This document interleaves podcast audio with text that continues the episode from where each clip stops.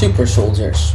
Proloog. In de Eerste Wereldoorlog werden de eerste supersoldaten gecreëerd. Deze konden helaas nooit worden ingezet in de oorlog, want op het moment van slagen een wapenstilstand werd getekend. Project Super Soldier, zoals deze missie ook al werd genoemd, werd na 11 november 1918, de dag dat de wapenstilstand werd getekend, stopgezet. In 1936 kreeg de geheime dienst SPIDA, wat staat voor Special Protection Intelligence Division of America, lucht van de organisatie Eagle. Deze organisatie binnen de Nazi-partij was begonnen met een supersoldatenproject voor het Duitse leger. Deze organisatie werd geleid door Heinrich Hoffmann, de jongere broer van Heinz Hoffmann, de generaal die tijdens de Eerste Wereldoorlog de supersoldatendivisie voor de Duitsers leidde. Toen SPIDA, de Amerikaanse overheid, rapporteerde over deze organisatie, kregen ze toestemming om Eagle te bespioneren en vanaf 1939 mochten ze beginnen met het maken van supersoldaten. De eerste supersoldaten werden de Soldier Commando's genoemd en bestonden uit Steve Williams, Robert Carter, Stuart Fisher, Brian Harrison, William Hasselhoff, Billy Rogers en Lucky Hitman. De supersoldatendivisie in het Amerikaanse leger werd Special Attack Scientific Force, kortweg SAS-F